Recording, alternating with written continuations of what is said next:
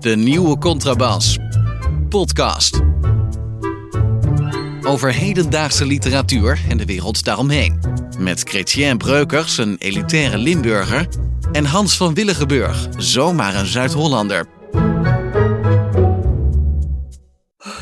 Zo.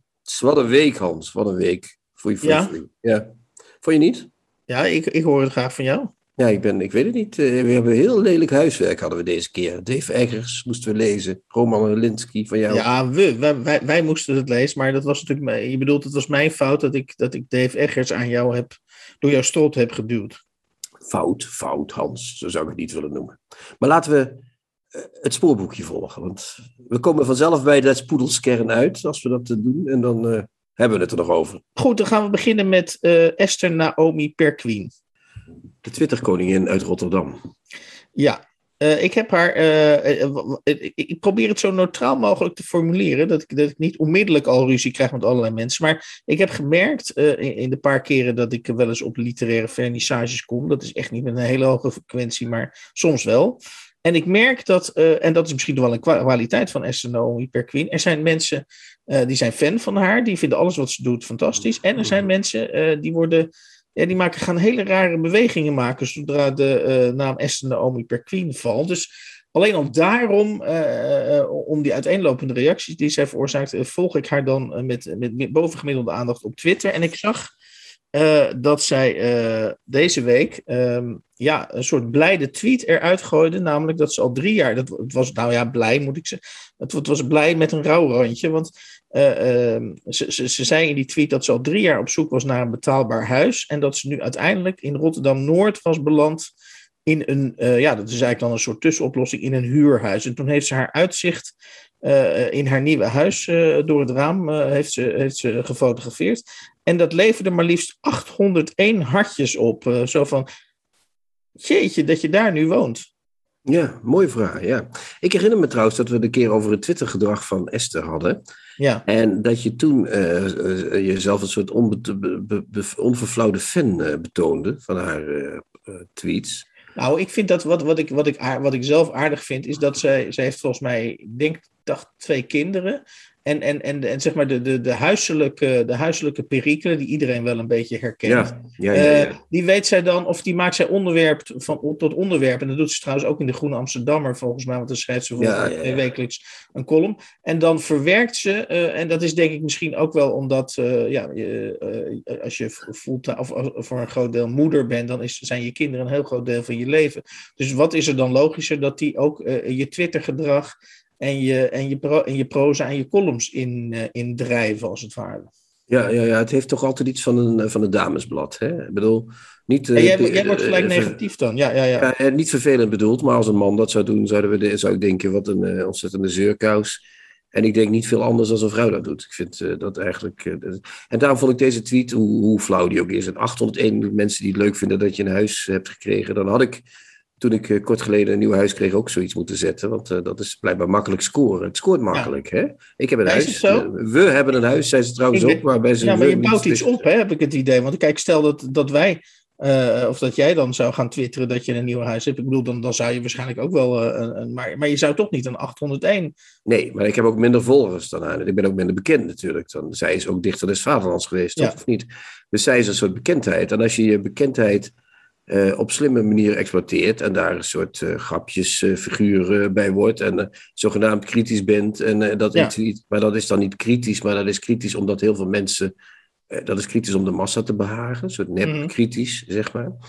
Dan, eh, dan ben je, ja, dan heb je al gauw 800 likes natuurlijk. Maar is dat, Ja. wat, wat houdt dat in dan? Wat Weet betekent ik niet, dat? maar ik, ik moest Wat is Rotterdam-Noord overigens? Dat begrijp Ja. ik ook niet precies. Wat is Rot waar Is dat een goede buurt, slechte buurt? Hoe- Eh, dat hangt er beetje vanaf. Dat hangt er vanaf waar je in Rotterdam-Noord zit. Maar dat, eh, Rotterdam-Noord is meestal in ieder geval boven de Maas. Hè. Dat, anders zit je in Rotterdam-Zuid. Dus dat, dat, is, dat is de geografische betekenis. Oh, dus het is toch goed dan, begrijp ik. Want Zuid is beneden de Ja, Maas. ze Dat was ze zitten op. z'n- Ja, maar Zuid is natuurlijk. mijn, mijn, mijn Hip en happening tegenwoordig. Ja. Mijn dochter is, woont op Zuid, dus, dus dat, dat is natuurlijk, eh, daar, daar, daar, daar is het echt avontuur Rotterdam-Noord. Dus in feite oud nieuws. Maar doet er Ja. even niet toe. Wat ik, Nou, dat is wel in lijn met haar tweets dan. Dat is een soort oud nieuws. eh, Dus, Ja, En wat ik zo grappig vind, is dat zo iemand als uh, Hans Maarten van der Brink, uh, uh, voormalig of schrij ook schrijver en voormalig directeur van de WPO, die, die tweet haar dan van, nou heel veel, iets in de trant van heel veel succes en heel veel plezier in je nieuwe woning. Dat ik denk van... ja, wat leuk hè, lief dat die ook, het zijn allemaal gewone mensen Hans, al die beroemde mensen zijn er gewoon.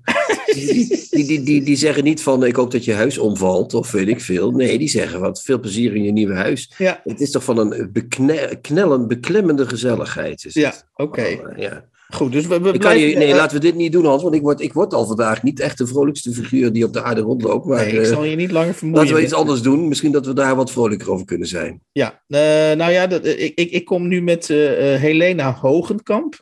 Zij, heeft een, onlangs, zij is onlangs gedebuteerd. Jij hebt dat debuut ja, ook Mooie debuut. Kan ik niet anders zeggen. Prachtig debuut. Hoe heette dat debuut ook alweer? Iets met Klaus? Het aanbidden van Louis Klaus. Dus samen hadden we de titel ongeveer goed. ja, heel goed. Ja. Nou, nou is het bij mij zo dat ik, dat ik zelf geen uh, abonnement op trouw heb, maar mijn vader uh, uh, van 96, die leest oh, die, hele leven op trouw. De christelijke belastinginner uit, ja.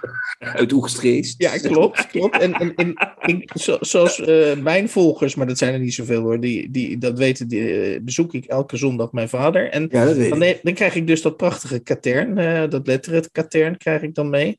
En mijn oog viel dus op een een artikel, een interview met Helena Hogenkamp. En uh, ik heb natuurlijk zelf ook net een boek uitgebracht. Dus de verdenking is nu dat ik ook heel graag. Dat is natuurlijk ook zo. ik ben ook een hoer, dus ik zou ook graag in trouw staan. Maar ik ben niet. het probleem, Chrétien, is dat ik niet non-binair ben. En dat mijn borsten ook niet zijn preventief zijn verwijderd. Nee, en dat was wel nou een prettig Dat was nou net het ticket waarop Helena Hogenkamp bij trouw binnenkwam. Ja, ik heb het ook gelezen. Maar het, het was een, om te beginnen was het een titel, volgens mij iets in een reeks. Dus uh, daar zat Sophie Lakmaker als vorige in, de zintuigen. En dan, uh, dat, dus dat zou een reeks kunnen zijn, ik weet het niet. En ja, het was weinig literair, het interview, daar heb je wel gelijk in. Maar het stond in dat letter en geest, of hoe heet dat tegenwoordig? Uh, heet dat nog letter en geest? Nee. Uh, ja, dat, dat katern heet nu. Um, eens even kijken. Ja, ik lees het online, dus dan zie je dat niet zo goed. Dan ga je maar door. Is met tijd of zo. Uh, de tijdgeest, de tijd en mens. Tijdgeest, ja. De tijdgeest. En daar staan ook de literaire recensies in natuurlijk. Maar dit is volgens mij meer een artikel in de, in de human interest sfeer. Nou ja. Om het heel zachtjes uit te drukken. Het is, een bewijs, het is eens te meer. Uh, ik ga daar, het, is, het, voert te ver om daar uh, zeker grappen te maken hierover. Is al helemaal not done. Dus dat gaan we helemaal niet doen, natuurlijk. We gaan geen grappen maken over non-binariteit of, of preventief uh, verwijderde borsten. Maar, ja, maar dat zijn twee verschillende dingen, Hans. Want dit was non-binair. ik zou daar ook geen grap over maken. Ik vind het wel interessant zelfs.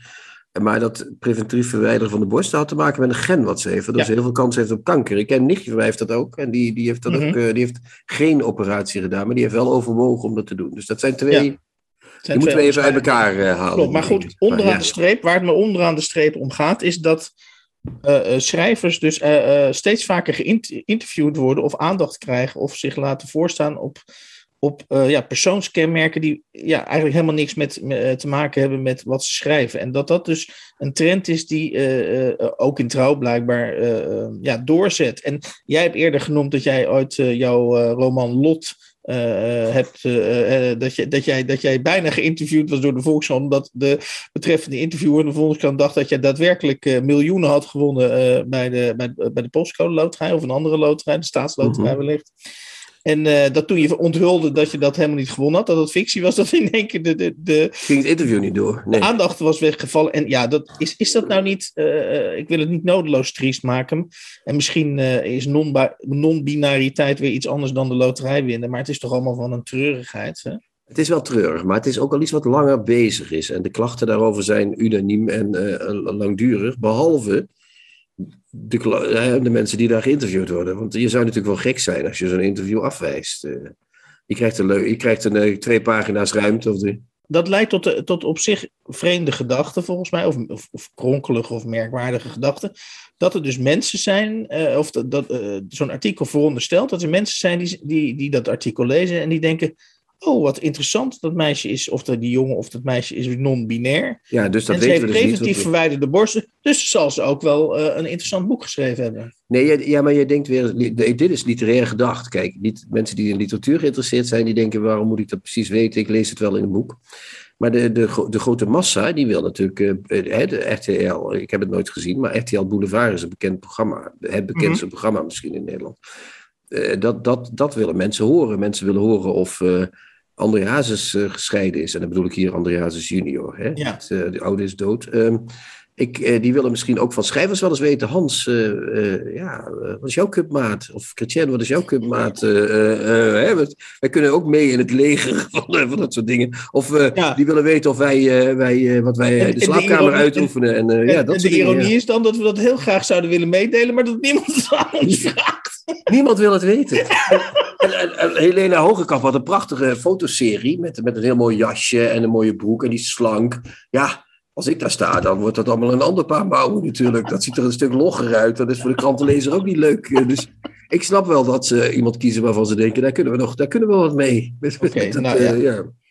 Tot zover de, niet, eh, de literaire, zeker niet, lire- niet, niet literaire journalistiek.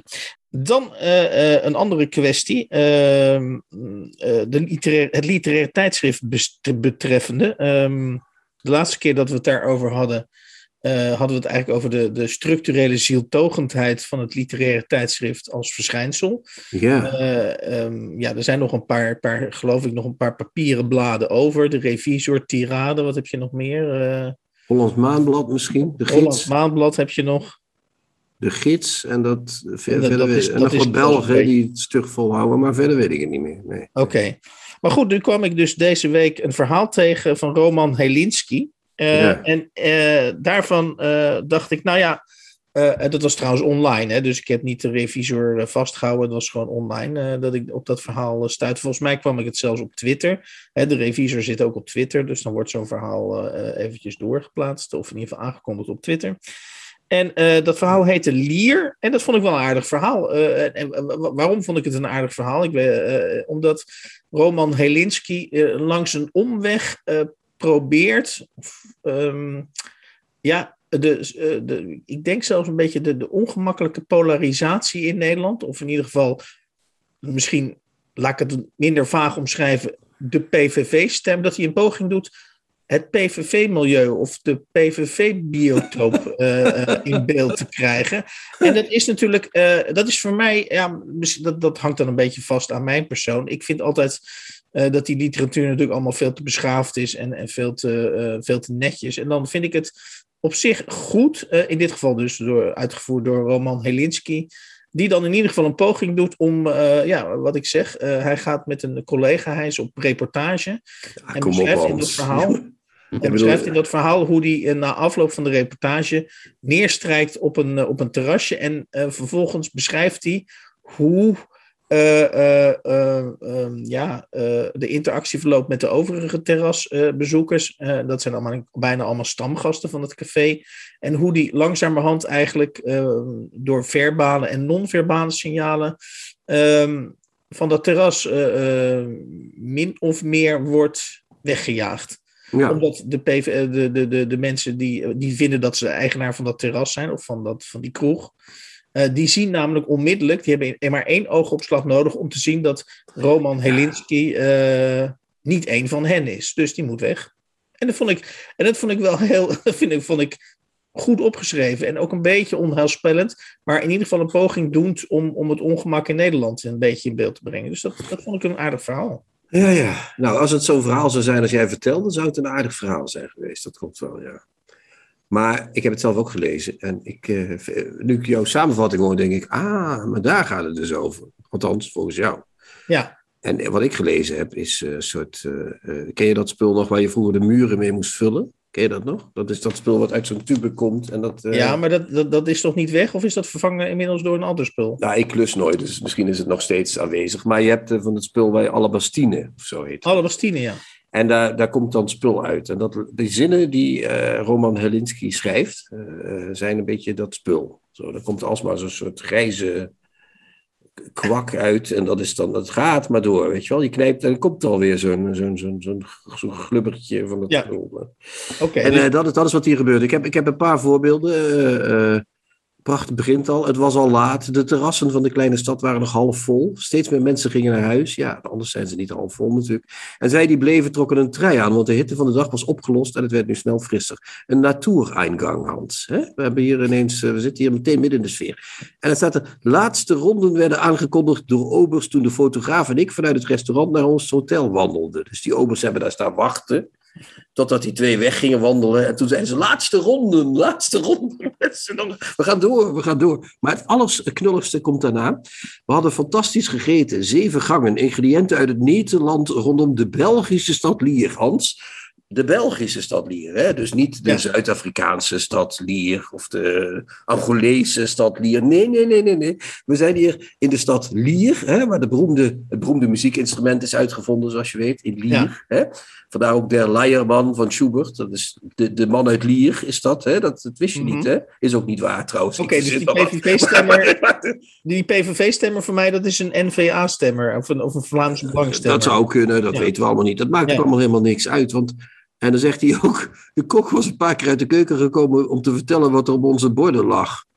Hè, ze hadden allemaal ingrediënten uit het Nederland, dus we kregen de beste behandeling, babbelde, babbelde, babbel. En het beste ligt om het over een zachte biefstuk, waarvan navraag leerde dat die dan weer niet uit de streek afkomstig was. Denk ja, dat is één alinea, of dat we zijn tien regels verder en dat Ja. is uit het Nederland, maar dit nou weer net niet. Dan denk je, wat, Ja. moet ik dat allemaal weten? En Ja. die maar roepen van laatste ronde, laatste ronde, laatste Ja. ronde. Maar ik dat kijk, is toch ik geen sfeer dat- scheppen, Hans? Ja, is ik toch geen- lees dat is toch geen anders. Ik lees dat anders, namelijk dat, dat, dat, eh, dat hij in het begin dus met die fotograaf is en dat het gezellig is en dat hij dus eigenlijk in een soort bourgeois-achtige omgeving, die jij nu net beschrijft.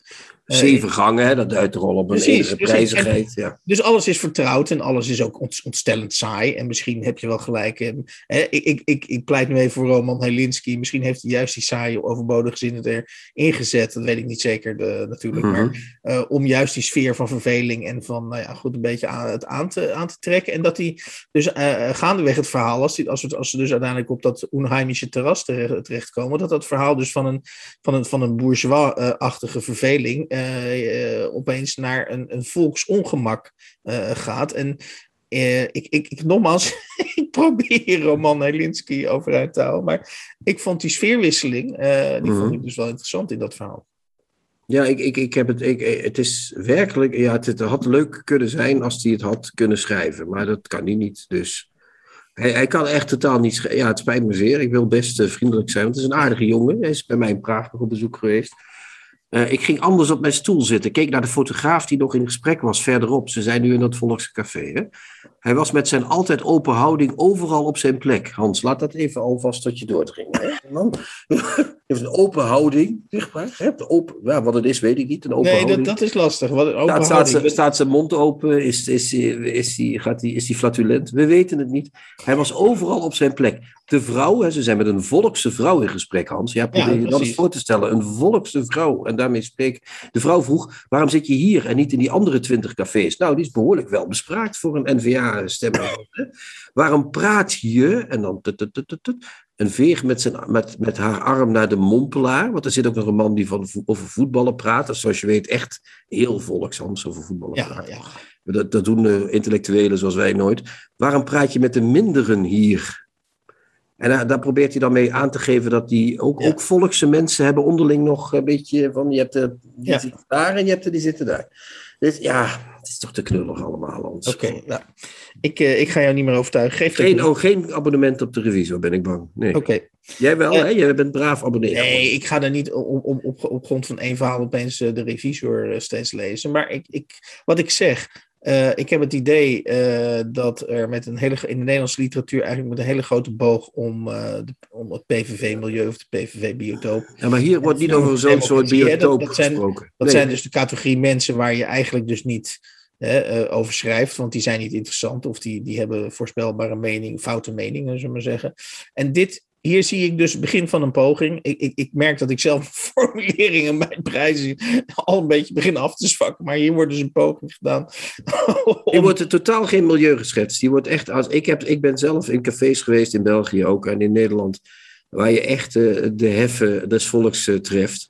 En ook eh, mensen die behoorlijk aan de onderkant van de samen. En die praten niet zo, Hans. En in België al heel zeker niet. Nee, dat is echt onzin. Dit is, dit is echt het, het, het product van iemand die, eh, die een jaar of, wat is die, midden 30, eind 30, die, die nog nooit wat meegemaakt heeft en die hier denkt, ik ga eens even wat neerzetten. En dat dan ook nog heel klunzig doet. Het is in wezen een, een neerbuigend stuk wat hij schrijft. eh, ja. Sorry, Roman, maar zo is het. Ja. ik hoop dat hij nou nog luistert, maar goed, ja, we gaan het zien. God, wat een vrolijk begin van deze aflevering, Hans. Moedig voorwaarts. De kibbel. Waar praat de literaire wereld op dit moment over? En wat vindt de nieuwe contrabas daarvan? Waar gaan we over kibbelen, Hans? Over welk boek? Laten we daar eerst eens over beginnen. Eh, we gaan kibbelen over het eh, net verschenen boek, eh, lijvige boek, 454 pagina's. In het Engels verschenen als The Every en in het Nederlands als Het Alles. En ehm, Dave Eggers, eh, voor de mensen die eh, nog een klein beetje ingewijd moeten worden, schreef in 2013 het eh, redelijk klassiek, nu al redelijk klassiek geworden boek De Cirkel. Dat was destijds een, een boek over een zeer machtig, zeer machtig techbedrijf, De Cirkel geheten, waarin een vrouwelijke hoofdpersoon, May Holland, solliciteert en langzaam erachter komt eh, dat, eh, eh, ja, dat dat bedrijf natuurlijk veel te veel macht heeft. En eh, ja, die moet zich op een of andere manier verhouden tot eh, die groeiende macht. Het is in feite het verhaal van een monopolist of van, van een bedrijf wat heel erg bezig is monopolist te worden en zijn macht uit te breiden. Ehm, en dat is nu opgevolgd door eh, het boek Het Alles. En wat is er met de cirkel gebeurd? De cirkel is gefuseerd eh, eh, met, een, eh, met nog een ander eh, techbedrijf. En samen eh, vormen zij nu het bedrijf The Every. Ja, Hans, dat heb je mooi gezegd. Die May is trouwens, is dat die, die huidige eigenaar van eh die Every? Is dat die Ja, May? ze is, in- ze is in, eh, inderdaad, ze is opgeklommen. eh, eh, dus dus tussen, tussen de cirkel en het alles is May eh, Holland opgeklommen tot de CEO van, eh, van het alles. Ja, een soort merkwaardig iemand die haar hele leven streamt. Hè? Die, die op Ja. een volledige transparantie voorstaat. En Klopt. alles van haar is bekend. Klopt. Alles weten we niet zeker, want in het boek blijkt ook wel wat anders nog. Maar eh, dat is haar front, hè? haar façade. Van ik, ik, ik ben helemaal transparant. Nou, dat is mooi. En ben ik onvriendelijk als ik alvast verklap dat jij, niet door, eh, dat jij dit boek niet, niet hebt eh, uitgelezen? Nee, ik ben, nee, dan ben je niet onvriendelijk. Dan heb je de waarheid gesproken, Hans. En zoals je weet, moeten we altijd de waarheid spreken van onze moeders. Oké. Dus dat, eh, dat is goed. Ehm, en ik, eh, ja, ik, ik ben op bladzijde, in, voor mij, hè, ik zal het even meteen eh, zeggen, op bladzijde 115 voor het eerst blijven steken. Eh, ik heb daarna nog enige tijd doorgehobbeld. Eh, maar daar begon, zal ik zeggen waar ik ben, voor de eerste keer ben blijven hangen? Ja, daar- ja. En ook waarom daarna ja, dan? is goed. Ja, ja, ja. Ja, in, de, de, de, dan zijn ze de, de, vrouw, de, de Leni heet die volgens mij, die vrouw. Dat hè, is die de een- vrouwelijke, dat is in dit boek dus de vrouwelijke intrigant. Dat is de vrouw die eh, bij die Every gaat werken met als, eh, in de hoop dat omver te werpen. ja, om, om het bedrijf omver te werpen. En die heeft een vriend Wes, daar woont ze mee in een huis. En eh, die, zijn, eh, die hebben een relatie zonder, die hebben een platonische relatie. En die eh, man heeft een hond, maar goed, dat doet er niet toe. Dat, althans, die speelt ook een belangrijke rol. Maar in een poging de spanning in de shed, dat is hun huis, eh, de, dus de schuur, hè, Ja. te doorbreken, deed ze het raam open. Daar op de vensterbank, tussen de ruwe kleibeeldjes die Wes had gemaakt, lag een zwarte bol van plastic met honderden speldenbrikaatjes erin. Wat is dat? schreeuwde ze. Ze wist wel wat het was. Een smart speaker, een van de Every, een Hear Me. Dus dat is blijkbaar een app. Eh, Ja. Ze nam het ding mee naar de badkamer. Hurricane keek op, dat is de hond, totaal van slag. Wes hield zijn bebloede poot vast. Is dit wat ik denk dat het is? vroeg ze. Hoe kom je hier aan? Hij staat niet aan hoor, zei Wes, vermoeid en uit de hoogte. Ik wist wel dat je het niks zou vinden, die hebben ze me gisteren gestuurd. Ik dacht dat je wel had gezien. Het duizelde de Leni en ze werd misselijk. Ze pakte het ding vast, schudde eraan, al wist ze niet waarom. Hoe weet je dat hij niet aanstaat? vroeg ze. Nou, daar knapte ik af. En wel omdat het, ja, we zitten hier, niet, we zitten hier in een soort kinderboek. Hè? Alles wordt drie keer gezegd, van weet je wel wat dat is? Ja. Eh, eh, die hond, eh, die, die Wes houdt, de, de, de, is het nou Wes die zijn eigen bebloede poot vast of de bebloede poot van de hond vasthoudt? Heel onzorgvuldig geschreven, heel, en dat je denkt, ja, dit kan toch in drie regels afgedaan worden? Ze ziet Ja. een app, ze ziet iets staan, Waar- waarom heb je dat? dat? Je weet toch wat dat voor ding is? Ja, dat moeten we hier niet hebben. Maar nee, daar moeten ongeveer twee bladzijden over doorgeëmmerd en gemekkerd worden. En dan denk ik, ja, maar waarom moet ik dat lezen, Hans? En dat vraag ik je echt serieus. Dat meen ik echt, dat is een hele serieuze vraag. Waarom moet ik dat zo lezen? Nou ja, goed, ik had er dus helemaal geen last van. En ik had dus ook geen last van deze, deze passage. En, en, en misschien uh, ga ik nu op de stoel, uh, maar dat, dat, dat uh, van de schrijver zitten. ja, doe dat maar, doe dat, doe dat. Oh, ja, ja. Ik, kijk, wat, wat, wat, waarom, ik zelf, waarom ik het zelf een fantastisch boek vind en, en dus ook accepteer de, de passages die, die, jij, die jij net voorlas, is dat uh, volgens mij is het vooropgezet van Dave Eggers uh, om er een heel naturalistisch en beklemmend boek van te maken. Dus het, het, het, klopt wat je zegt. In het boek wordt ontzettend veel, heel gedetailleerd en, en misschien te gedetailleerd en met herhalingen, uh, uh, de sfeer beschreven die bij dat bedrijf heerst, maar ook, en dat is natuurlijk het belangrijke, dat die, die sfeer strekt zich niet alleen uit tot de campus van die Every, maar die Every is natuurlijk zo machtig dat ze ook in de, in de wereld buiten, buiten hun eigen invloedssfeer ontzettend veel invloed hebben. In dit geval dus met die app Hear Me. Ja. En dat is zo beklemmend uh, dat, uh, um, uh, dat ik dat dus een kwaliteit vind van dit boek. En dat ik tijdens het lezen van dit boek steeds zelf dacht van shit, dit zou kunnen gebeuren. Shit, dit is een totaal verrotte wereld waar ik naar zit te lezen, waarin één bedrijf veel te veel macht heeft. Maar wauw, dit komt wel eigenlijk heel erg dichtbij, dichtbij hoe het echt is. Met andere woorden, um, dat, is, dat is zeg maar de mindfuck, als je dat zo kan, uh, kan noemen, uh, uh, waar dit boekje inbrengt. En dan vind ik bijvoorbeeld zo'n detail van zo'n hond vind ik dus eigenlijk ook weer functioneel. Want zo'n hond is natuurlijk eigenlijk heel onschuldig. Hè? Met andere woorden, een, huiselijk tafereeltje. Maar die, die Hear Me-app, ja, die maakt, die maakt het dus dat, dat hele huiselijke... maakt het dus gelijk weer spooky. En dat is, vind ik dus een constante kwaliteit van dit boek. Ja, daar ben ik het helemaal met je eens. Het zal je verbazen, maar de, de, de, de thema's die uh, ergens aansnijdt, daar kun je niet omheen. Dat zijn ook thema's die heel erg van deze tijd zijn natuurlijk. Want we leven al in een soort controlesysteem. Het idee ja. van privacy, dat hebben we nog. We, we, proberen dat vast te houden, maar dat zullen we toch op termijn moeten loslaten. Onze gegevens zijn bekend. Niet alleen bij de overheid, maar bij. Ik heb bij verschillende bedrijven gewerkt en ik heb gemerkt dat ook mensen die werken uh, ik had dan het idee dat ik niet werd gecontroleerd, maar de mensen die onder mij werkten, werden allemaal de hele dag in de gaten gehouden. Wat voor productie draaien ze? Mm -hmm. En dan heb ik het niet over fabrieksarbeiders, maar gewoon kantoorwerkers. Hoe, hoe werken ze? Hoe snel werken ze? Wat ja. hebben ze per dag gedaan? Je kon echt alles van ze uitlezen, althans ja. op dat gebied. Dus die hele controlemaatschappij, die is al aan de gang, denk ik. Wat, wat, ergens, wat ergens doet, hij maakt daar een bedrijf van, wat dat doet. Dat klopt wel. Er is een bedrijf, uh, hè, dat is een soort uh, bedrijf die Every, dat is een soort bedrijf als Facebook gecombineerd met Apple, zeg maar. Ja, ja zoiets. Ja. Maar ik denk dat vooral de, dat, we, dat, dat, dat, dat het niet zo. Het, het grote gevaar komt ervan hoe de overheid die bedrijven inzet. Dus kijk naar China. Hè, die hebben al inmiddels al, wat in de Every besproken wordt. In, in China kun je burgerschapspunten krijgen als je te ja. vaak door het rood gaat of als je je moeder niet uh, te, genoeg opzoekt. Dan kunnen mensen je ook aangeven van die komt niet vaak bij zijn moeder. En dan kun je bijvoorbeeld geen paspoort meer krijgen en dan kun je niet meer reizen. Klopt. Dat schijnt echt waar te zijn. Tenminste, dat heb ik me laten vertellen door iemand. Ja, en, en er zijn natuurlijk een legio mensen in, in, in, in Europa en Amerika die argwanend naar China kijken en denken, oeh, dat, dat komt hier nu in China, maar wat, wat, wat doet ons vermoeden dat het, nou, of wat, wat doet ons een, denken dat het niet hier ook gaat gebeuren? Nou ja, we, we hebben nu de QR-code. Je kunt zeggen, ach, het is nog voor de gezondheid, enzovoort, enzovoort. Uh, dat is ook om ons te laten wennen aan het feit dat wij voortdurend moeten kunnen bewijzen, niet alleen wie we zijn, maar dat we gezond zijn, dat we er mogen zijn dat we niet uh, bijvoorbeeld schulden hebben waardoor we er niet mogen zijn, of dat we iets anders hebben. Dat, het, is hier niet anders, het is hier anders dan in China. Je wordt nog niet, uh, als je je moeder niet vaak genoeg bezoekt, meteen geen paspoort meer. Al zou dat voor veel mensen misschien een goed idee zijn om dat te doen. Het, het komt eraan, zeg maar. Dus pas op. Uh, het is waar. En de overheid is een gevaar in dit, denk ik. In dit, hoe ze dat toepassen, ja wat mij betreft, uh, dus, dus tot zover zeg maar de actualiteit en de relevantie ja. van het boek. Maar even terug naar het boek zelf. Uh, wat, ik, wat, ik zo, wat ik echt en, en uh, wat ik zo goed vind en wat zo. wat jij eigenlijk in die passage, wat jij eigenlijk slecht vindt, of waar jij besluit niet meer te lezen. wat ik zo goed vind aan het boek, is dat je juist, juist in die onbenullige details, hè, dus die, die, die gesprekken die je uh, in de kantines hebt met je mede, medewerkers, juist in die onbenullige gesprekken weet Dave Eggers, uh, want uh, ja, dat moet ik even uitleggen voor de mensen die het boek nog niet hebben gelezen.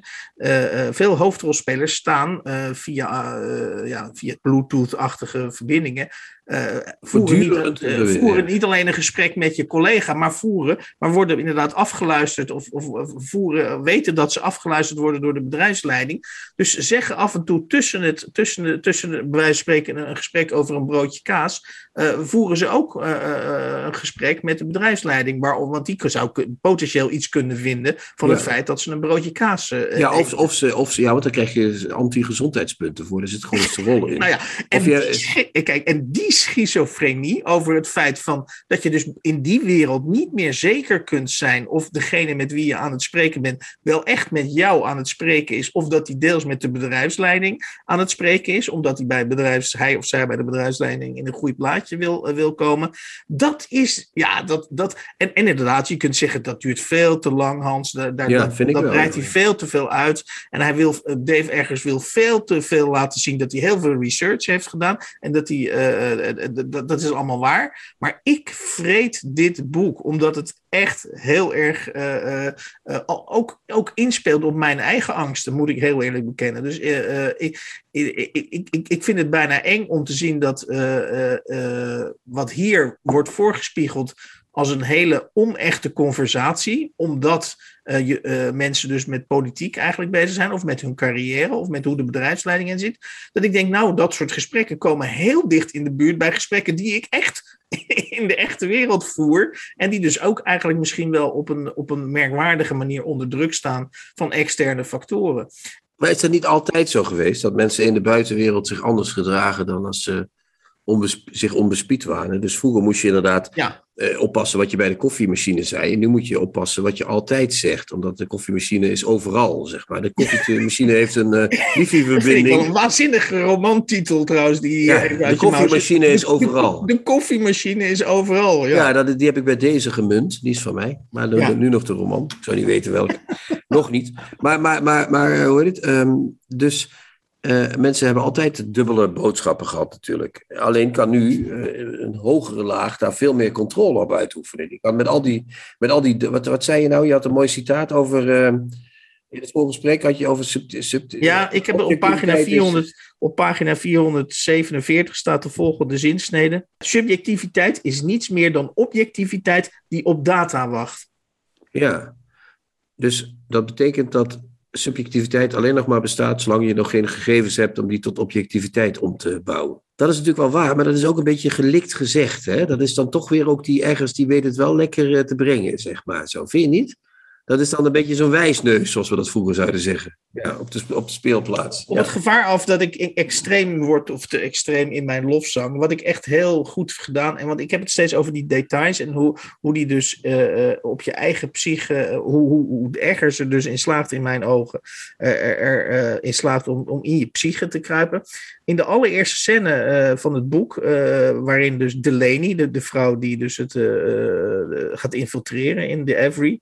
Uh, en zich aanmeldt bij de, bij de ingang. En die moet dan natuurlijk ontzettend lang gescreend worden, want je komt niet zomaar op dat bedrijfsterrein, dat begrijp je. En ze door allerlei controleprocedures moet, wordt er één tien meter verderop, stopt een bestelbusje met, met, met, met manden. En dan, dan wordt, je weet dus op een hele subtiele manier, weet, er, ergens je dus, ja, hoe zeg in, in die gekke wereld van die Every te trekken. Want die, die, manden moeten dan die moeten op allerlei manieren gescreend worden. Van wie zijn die mannen? Die moeten op tal. En dan zegt die mevrouw: Nou, nee, ik denk niet dat die mannen hier binnen, binnenkomen. Uh, dus uh, gaat u maar via die weg, via die rotonde weer terug. En dan, dan heb je gelijk uh, via, die, via, die via dat bestelbusje. heb je dus gelijk als lezer al het idee van. Het, het kost je heel erg veel moeite. Of, of het, is een, het is een bijna onneembaar bastion. die campus van die Every. En, maar ja, ik heb als, gewoon... maar als lezer ook het idee. En dat is echt niet een.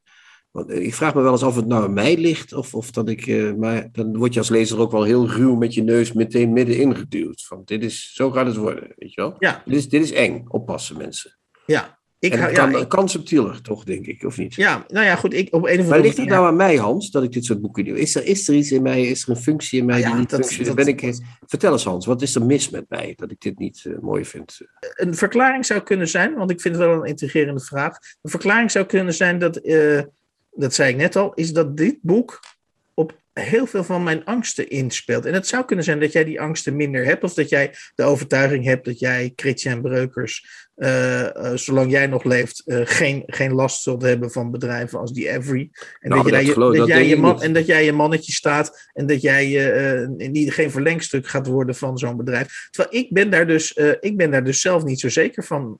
en ja, dat vind ik het fascinerende van dit boek. Ik denk niet dat ik die, die, dat gevoel niet heb, want ik ben bang dat ik ook uh, al lang. Uh, ik sta natuurlijk ook al in de cloud ergens. Hè? Mijn hele hebben en houden. Ik hoef ja, ook alleen nog maar. allemaal. Ik hoef niet alleen een nieuwe heup zoals ik nu nodig heb, maar als ze mij een paar eh, organen vervangen, dan kan ik eeuwig door, zeg maar, als ik die cloud uh, verder heb. Mm -hmm. Dus ik, de, ik heb die angst niet. Ik, of laat ik zeggen, ik heb niet het idee dat het niet gebeurt. Maar ik heb daar geen, gek genoeg, dat is misschien de fout in mij. Ik heb daar geen angst voor. Heel gek. Ik denk dat het is al gebeurd, het is al klaar. In die zin zou het interessant zijn om te kijken wat de leeftijd, wat de, demogra wat, wat, wat de leeftijdscategorie, of, of, of, de leeftijd van de mensen die het boek lezen. Ik denk, ik denk dat uh, wat je zou willen natuurlijk heel graag is dat twintigers dit boek gaan lezen.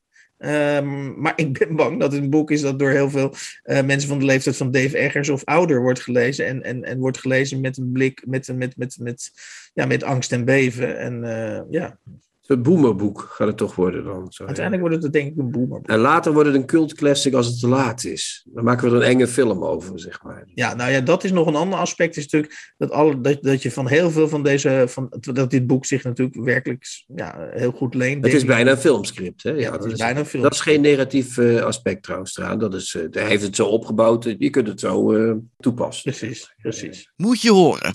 Hans leest een favoriete passage voor uit een boek dat hij onlangs gelezen heeft. Ik mag wel stellen dat een heel panzerregiment mijn verloskundige is geweest. Een panzerregiment dat op de avond van 20 augustus 1968 richting Tsjechoslowakije rolde. En ook langs een klein hotel in het dorpje Broen kwam, waar mijn moeder, negen maanden zwanger van mij, tijdens haar vakantie logeerde. De motoren daverden en de rupsbanden ratelden op de bestrating. In paniek brak ik door het vruchtvlies, vloog door het geboortekanaal en landde op een eettafel. Het was nacht. Het was de hel. De panzerwagens rolden en ik was er. De lucht stonk en beefde boosaardig. En de wereld waarin ik terecht kwam, was een politieke wereld.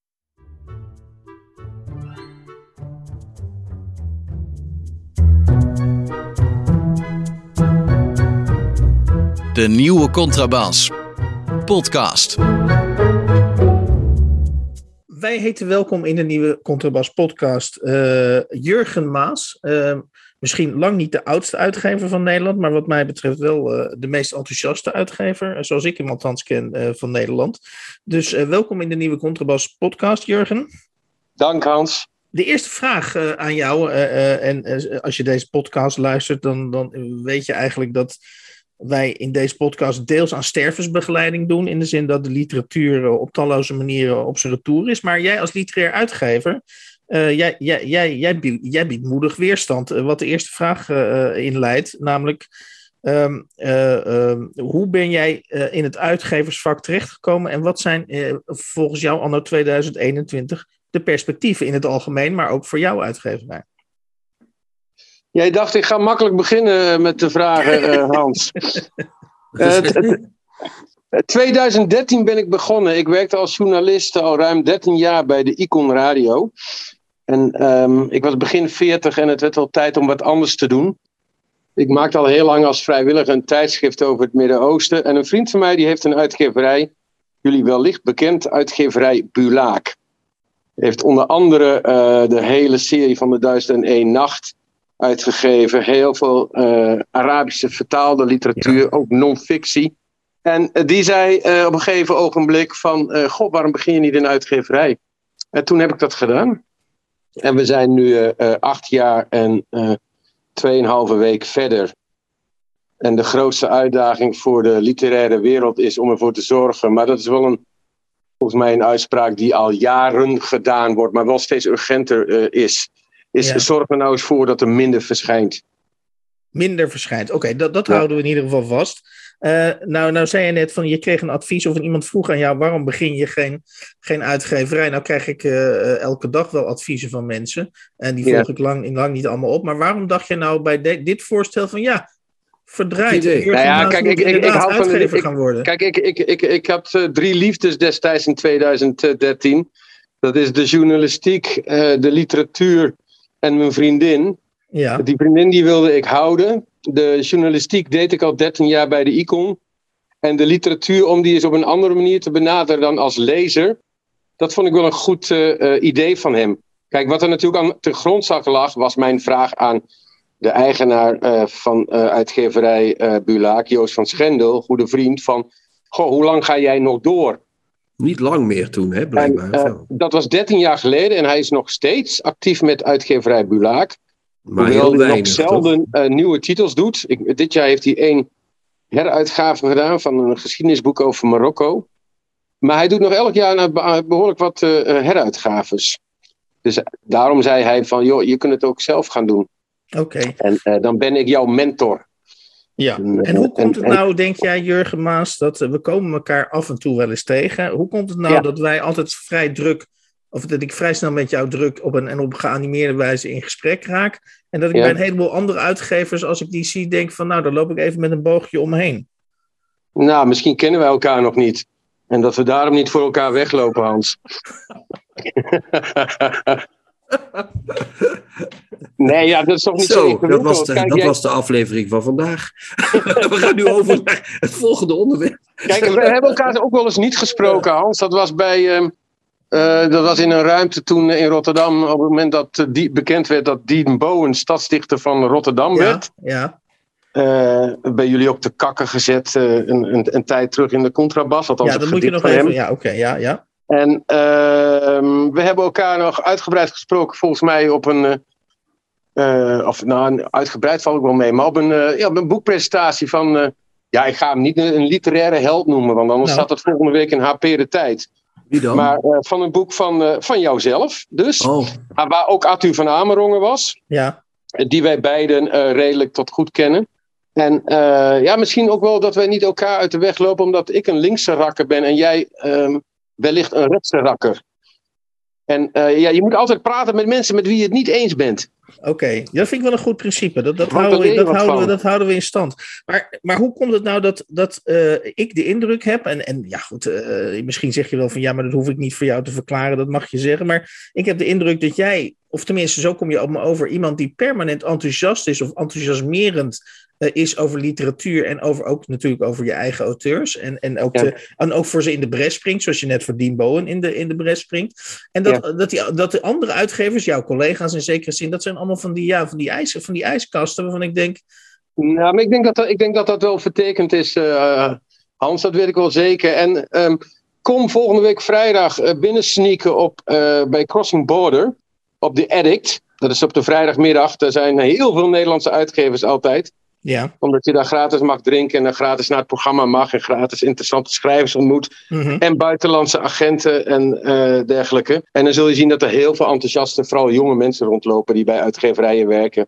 Goed, Eh, ik moet even, ik, ik, ik zal, eh, ik zal mij gewillig laten bijscholen dan Ehm, op dit punt. Ehm, jij zei net een, natuurlijk een heel belangrijke eh, eh, zin, namelijk eh, eh, de grootste plaag in zekere zin. Ik vertaal het nu even van de, van Ja. de literatuur, is dat er te veel verschijnt. Hoe zorg jij dat jij niet, eh, eh, eh, of, hoe selecteer jij zelf?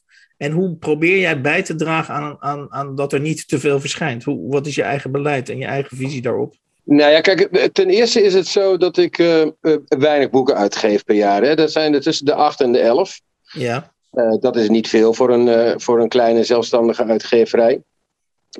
om er van te kunnen leven.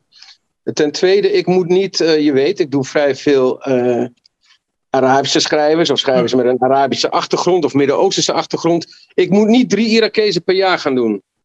Want dat gaat die boekhandel niet inkopen. Ik, moet, ik mag er één doen, dat, eh, dat kunnen ze nog trekken. Natuurlijk ook omdat ook andere uitgeverijen Iraakse schrijvers uitgeven. Dus eh, A, door zelf niet te veel uit te geven. En B, eh, door toch proberen, en dat was de afgelopen anderhalf jaar natuurlijk erg lastig. Maar ook erg zichtbaar te zijn buiten uh, de literaire wereld. Of buiten, nee, nu zeg ik het niet, nu zeg ik het niet goed, maar buiten de boekhandel. Mhm. Dus door activiteiten te organiseren, door op festivals aanwezig te zijn, door op allerlei dingen te proberen die literatuur, uh, op allerlei manieren te proberen die literatuur onder de aandacht te krijgen.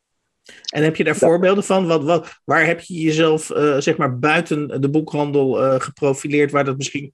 Ik denk dat het mooiste voorbeeld wel is, uh, is in, in, in, jouw stad, in Rotterdam. met name zijn we daar begonnen met dat we op een gegeven moment hadden wij die Berberbibliotheek. ooit begonnen bij Atheneum Polak en Vergennep. En dat wij zorgden dat we jaarlijks op het grote Amazigh nieuwjaar waren. Dus het Berber nieuwjaar in Theater Zuidplein, Rotterdam. Daar komen mm -hmm. 800 mensen. En daar stonden wij altijd met een grote tafel met boeken. En meestal stonden we ook op het podium met een verhaal. En daar hebben we echt wel meegemaakt van dat mensen zeiden: Ik wist niet dat dit bestond. Ja. Waarop ik zei: van, Maar ga eens naar een bibliotheek en vraag eens of ze het hebben. Of ga eens naar een boekhandel. Kijk, en op het moment dat, mensen dat niet doen, dan, uh, dan is het je taak, of niet je taak, maar dan is het dus handig om de boeken naar de lezer te brengen.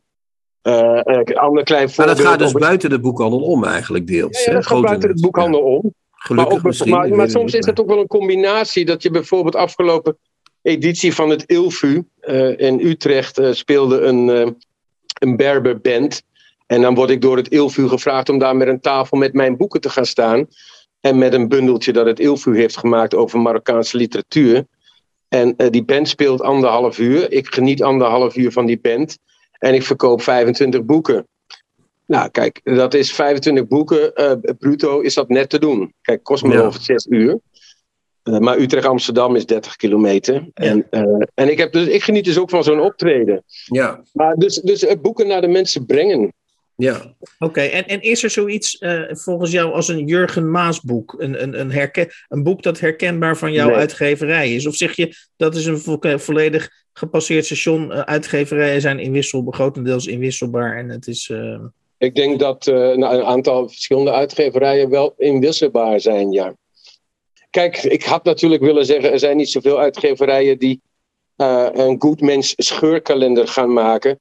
Maar Potjan Dikkie, wat is er nu? De Anon Grunberg scheurkalender. Door uitgeverij Sunny Home. Ja, veel goed mensen kun je goed... niet krijgen. Hè? Nee, dat is, uh... nee, dus dat is al geen goed voorbeeld. En uh, ik geef Nagib Mahfouz uit, maar dat heeft De Geus natuurlijk twintig jaar gedaan.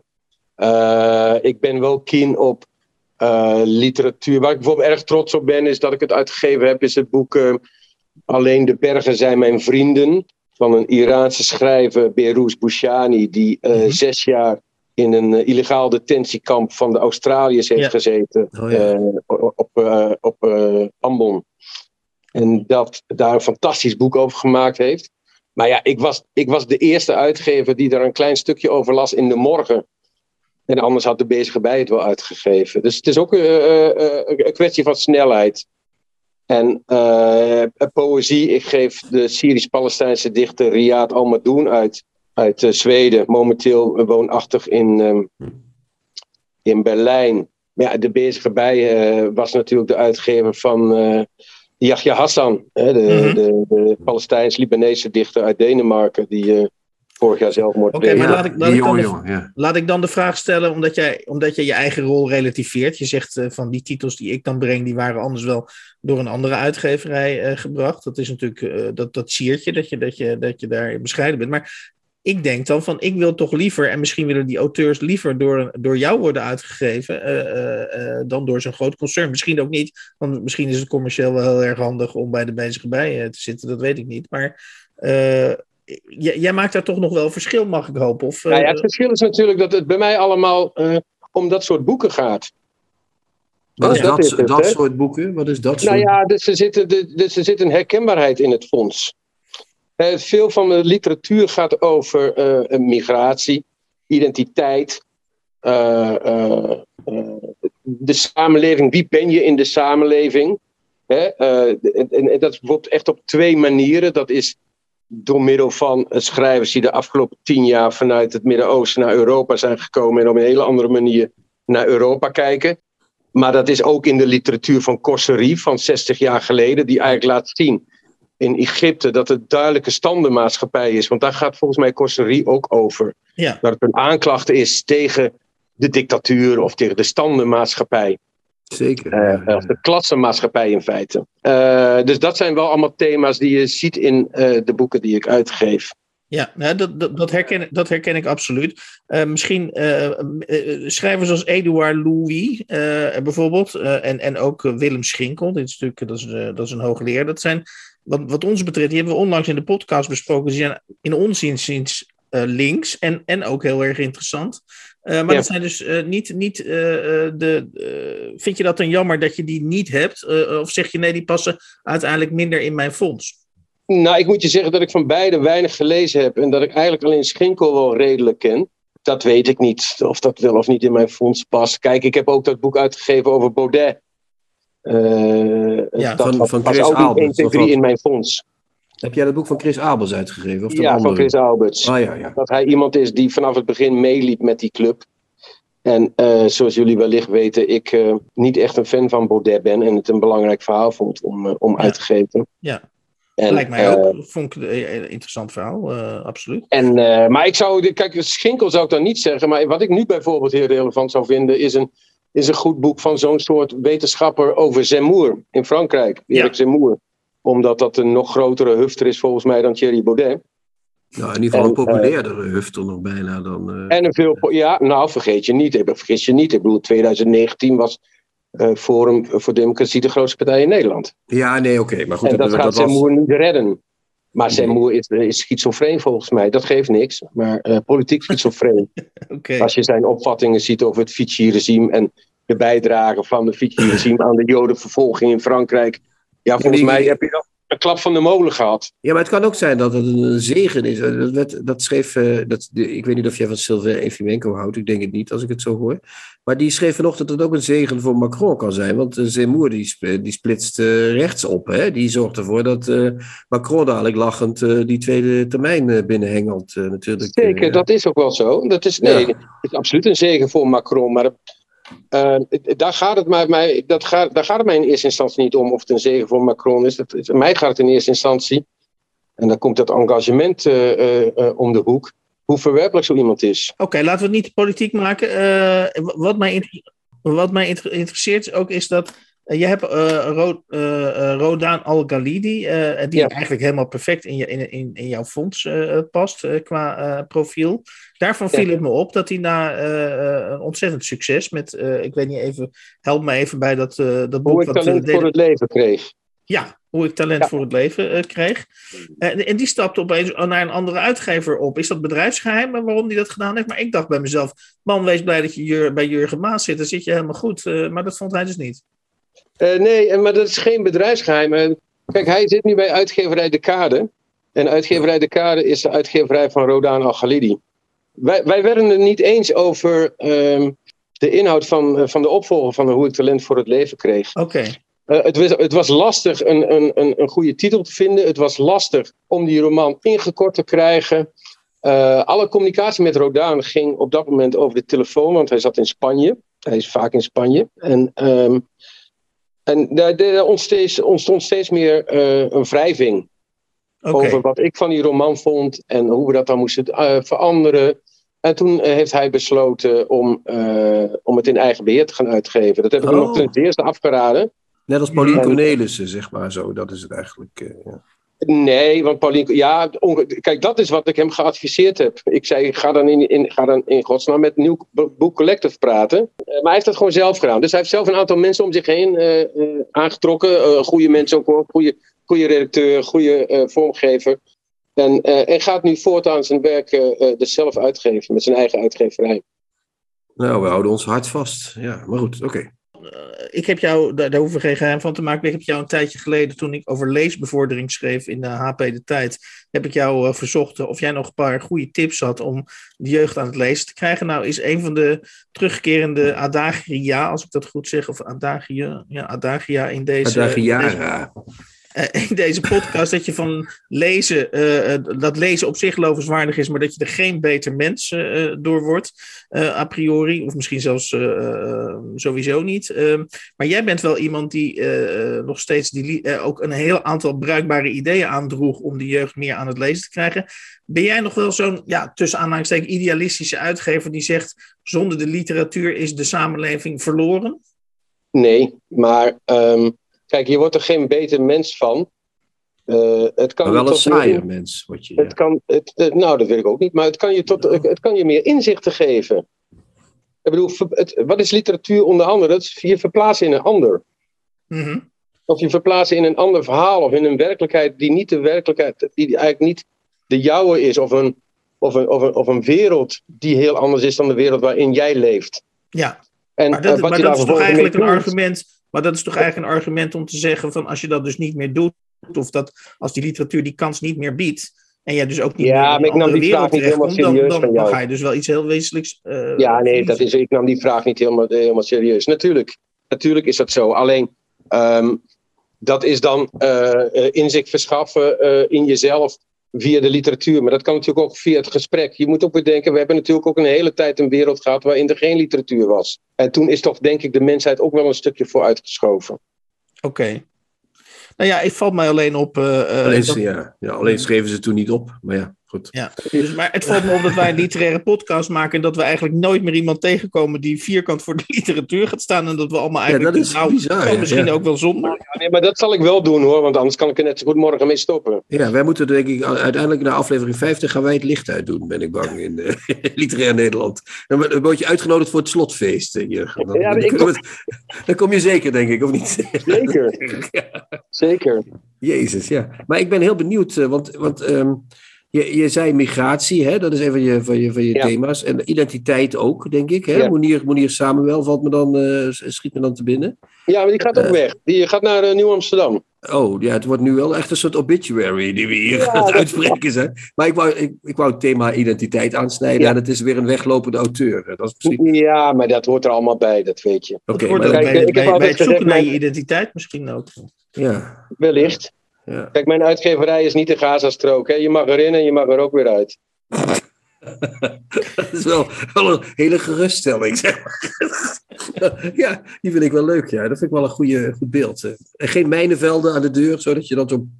Wat, wat, wat ik tot slot aan je wil vragen, Jurgen, is, is, is eh, ook een uitgever. Ik ben zelf parttime uitgever, maar ik ver- vergelijk me absoluut niet met jou. Want jij doet dat met. Jij stopt daar veel meer energie in en bent daar veel passioneler mee bezig. Ik vind het maken van podcast eh, dan weer leuk. Maar hoe? eh, voor je het weet, zit je natuurlijk als uitgever ook in een soort ritme. voorjaars, najaars, aanbieding, et cetera, et cetera. Hoe, hoe hou je jezelf scherp en fris? Want soms, soms denk ik, en zeker als je het in je eentje moet doen, dan, dan kan, het, kan het natuurlijk ook een sleur worden. Hoe houd je jezelf scherp? Hoe doe je dat? Dat vind ik wel een hele goede vraag, eh, Hans. En eh, daar heb ik het antwoord ook nog niet echt op gevonden. Kijk, want het is toch wel, als ik, ben, ik doe het dus nu acht jaar. Mhm. En het wordt het niet makkelijker op, heb ik het idee. En het, het, het, het grote voordeel van dat ik weinig boeken uitgeef, en, maar daarom was het afgelopen anderhalf jaar ook zo kloten, is dat ik met die auteurs heel veel contact heb. Eh, eh, dus ook die auteurs die in Zweden wonen en in Finland wonen eh, en in Duitsland, die komen dan hier naartoe drie, vier keer per jaar om op te treden. En dan hebben we een geweldig weekend. En eh, dat was, is ook een belangrijk onderdeel van eh, eh, mijn uitgeverij of mijn uitgeverschap. Ja, Zijn. interessant. Ja. En dus, dus dat maakte de afgelopen anderhalf jaar ook een stuk minder interessant. Omdat ze niet konden komen, bedoel je? Of, Omdat ze niet konden komen. Kijk, nu zou er eindelijk weer een auteur van mij eh, naar Crossing Border komen. Is die ziek? Ja, daar ben ik wel even flink ziek van. ja. Eh, want dat maakt het een heel ander weekend komend weekend op Crossing Border, kan ik je vertellen. En die sleur, Dus, dus ja, je, je is- antwoord is eigenlijk dat de contacten met de schrijvers voor jou eh, heel wezenlijk zijn. En dan Ja, je ook absoluut. prikkelen en Absoluut. stimuleren om door te gaan. Ja, zeker, zeker. En het is toch ook wel zo dat eh, ja, je probeert in elke aanbieding een boek te hebben waarvan je denkt, kijk, en daar heeft nou niemand aan gedacht. Eh, eh, niet dat ze het niet kunnen hebben, maar dat ze er niet aan hebben gedacht op dit moment. En dat is, eh, ja, dat is ook iedere keer een enorme uitdaging. En, en ook, denk, en ook ik kom nu met een boek in ehm, eh, februari, maart waarschijnlijk. Dat heet De Schelp. Dat is van een Syrische schrijver, dat was zijn debuut uit 2008, die twaalf jaar onder de grond heeft gezeten in, in Syrië, onder de vorige Assad. En dat boek dat is zo heftig, waar we, daarvan hebben vele vrienden tegen mij gezegd, als er nou één boek is wat zo heftig is, wat je eigenlijk niet moet doen, Jurgen, dan is het dat boek. Mhm. Dus dat komt in maart en daar zie ik enorm naar uit. En, en als zij zeggen dat je niet het niet moet doen, doe, doe jij het natuurlijk wel. Ja, dus ik doe het dan wel, precies. Ja, En, eh, ik heb het niet gelezen, het is er wel in het Engels, maar eh, ik wacht totdat de Nederlandse vertaling af is oké. eh, vanuit het Arabisch. En eh, dan gaan we En het noem de zien. titel nog even schelp, zei je? De schelp. En de auteur is? Eh, Mustafa Khalifa. Woont in Parijs. Oké, Ja. nou, we, we gaan het op het lijstje bij eh, schrijven. Ik, ik wens je eh, met dat boek, maar ook met alle andere boeken, ongelooflijk veel succes. Want je bent mijn, Dank. Eh, eh, ja, maar je bent mijn linkse knuffelbeer, zullen we maar zeggen, in de Ja, uitvoering. jij bent mijn favoriete interviewer, Hans. Oh mijn god, jongens. Als je... Ja, kom op, weet je, jij, jij, jij loopt ook wel eens te hoor, met jou, met jouw eh, vrienden. Let's- hoe zeiden ze dat bij Pulp Fiction? Let's not start sucking each other's dicks. Is echt- ja, jullie mogen ook wel even apart in een hoekje. Nee hoor, nee. Ik heb liever dat er iemand bij is. ehm. Ja, ja, ja, Oké, oké.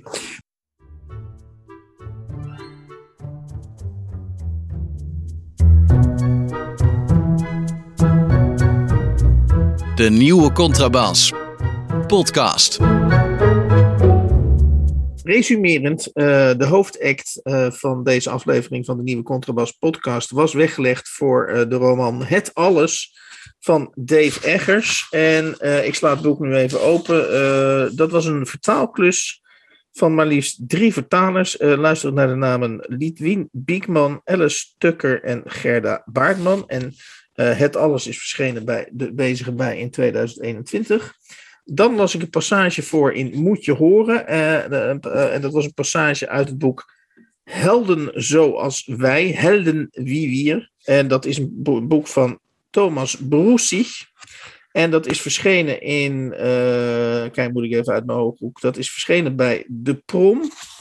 En dan willen we er ook nog graag eh, een jaartal bij in. Dat is eh, verschenen in 1997. Dat waren nog tijden, Hans. 1997. in 1997 en destijds gepresenteerd als het boek over de, de Wende, oftewel de val van de muur. En dan hadden we natuurlijk een prachtig interview met Jurgen Maas. Hans, en de volgende keer lezen we dunnere boeken, zou ik zeggen. Hè? Want ik ben kapot, man. Ik echt- ik ik heb geen leven meer over, zeg, op deze manier. eh. Het is verschrikkelijk. Wilt u reageren op eh, eh, de nieuwe Contrabas podcast, op wat voor manier dan ook? Dan staat ons e-mailadres open, podcast.denieuwecontrabas.blog. Ik herhaal podcast.denieuwecontrabas.blog. Tot volgende week moest je nog zeggen van Erik, hoorde ik hier. Tot volgende week. Dag lieve luisteraars. De nieuwe Contrabas podcast wordt gemaakt door Chrétien Breukers, Hans van Willigenburg en Erik Lindenburg.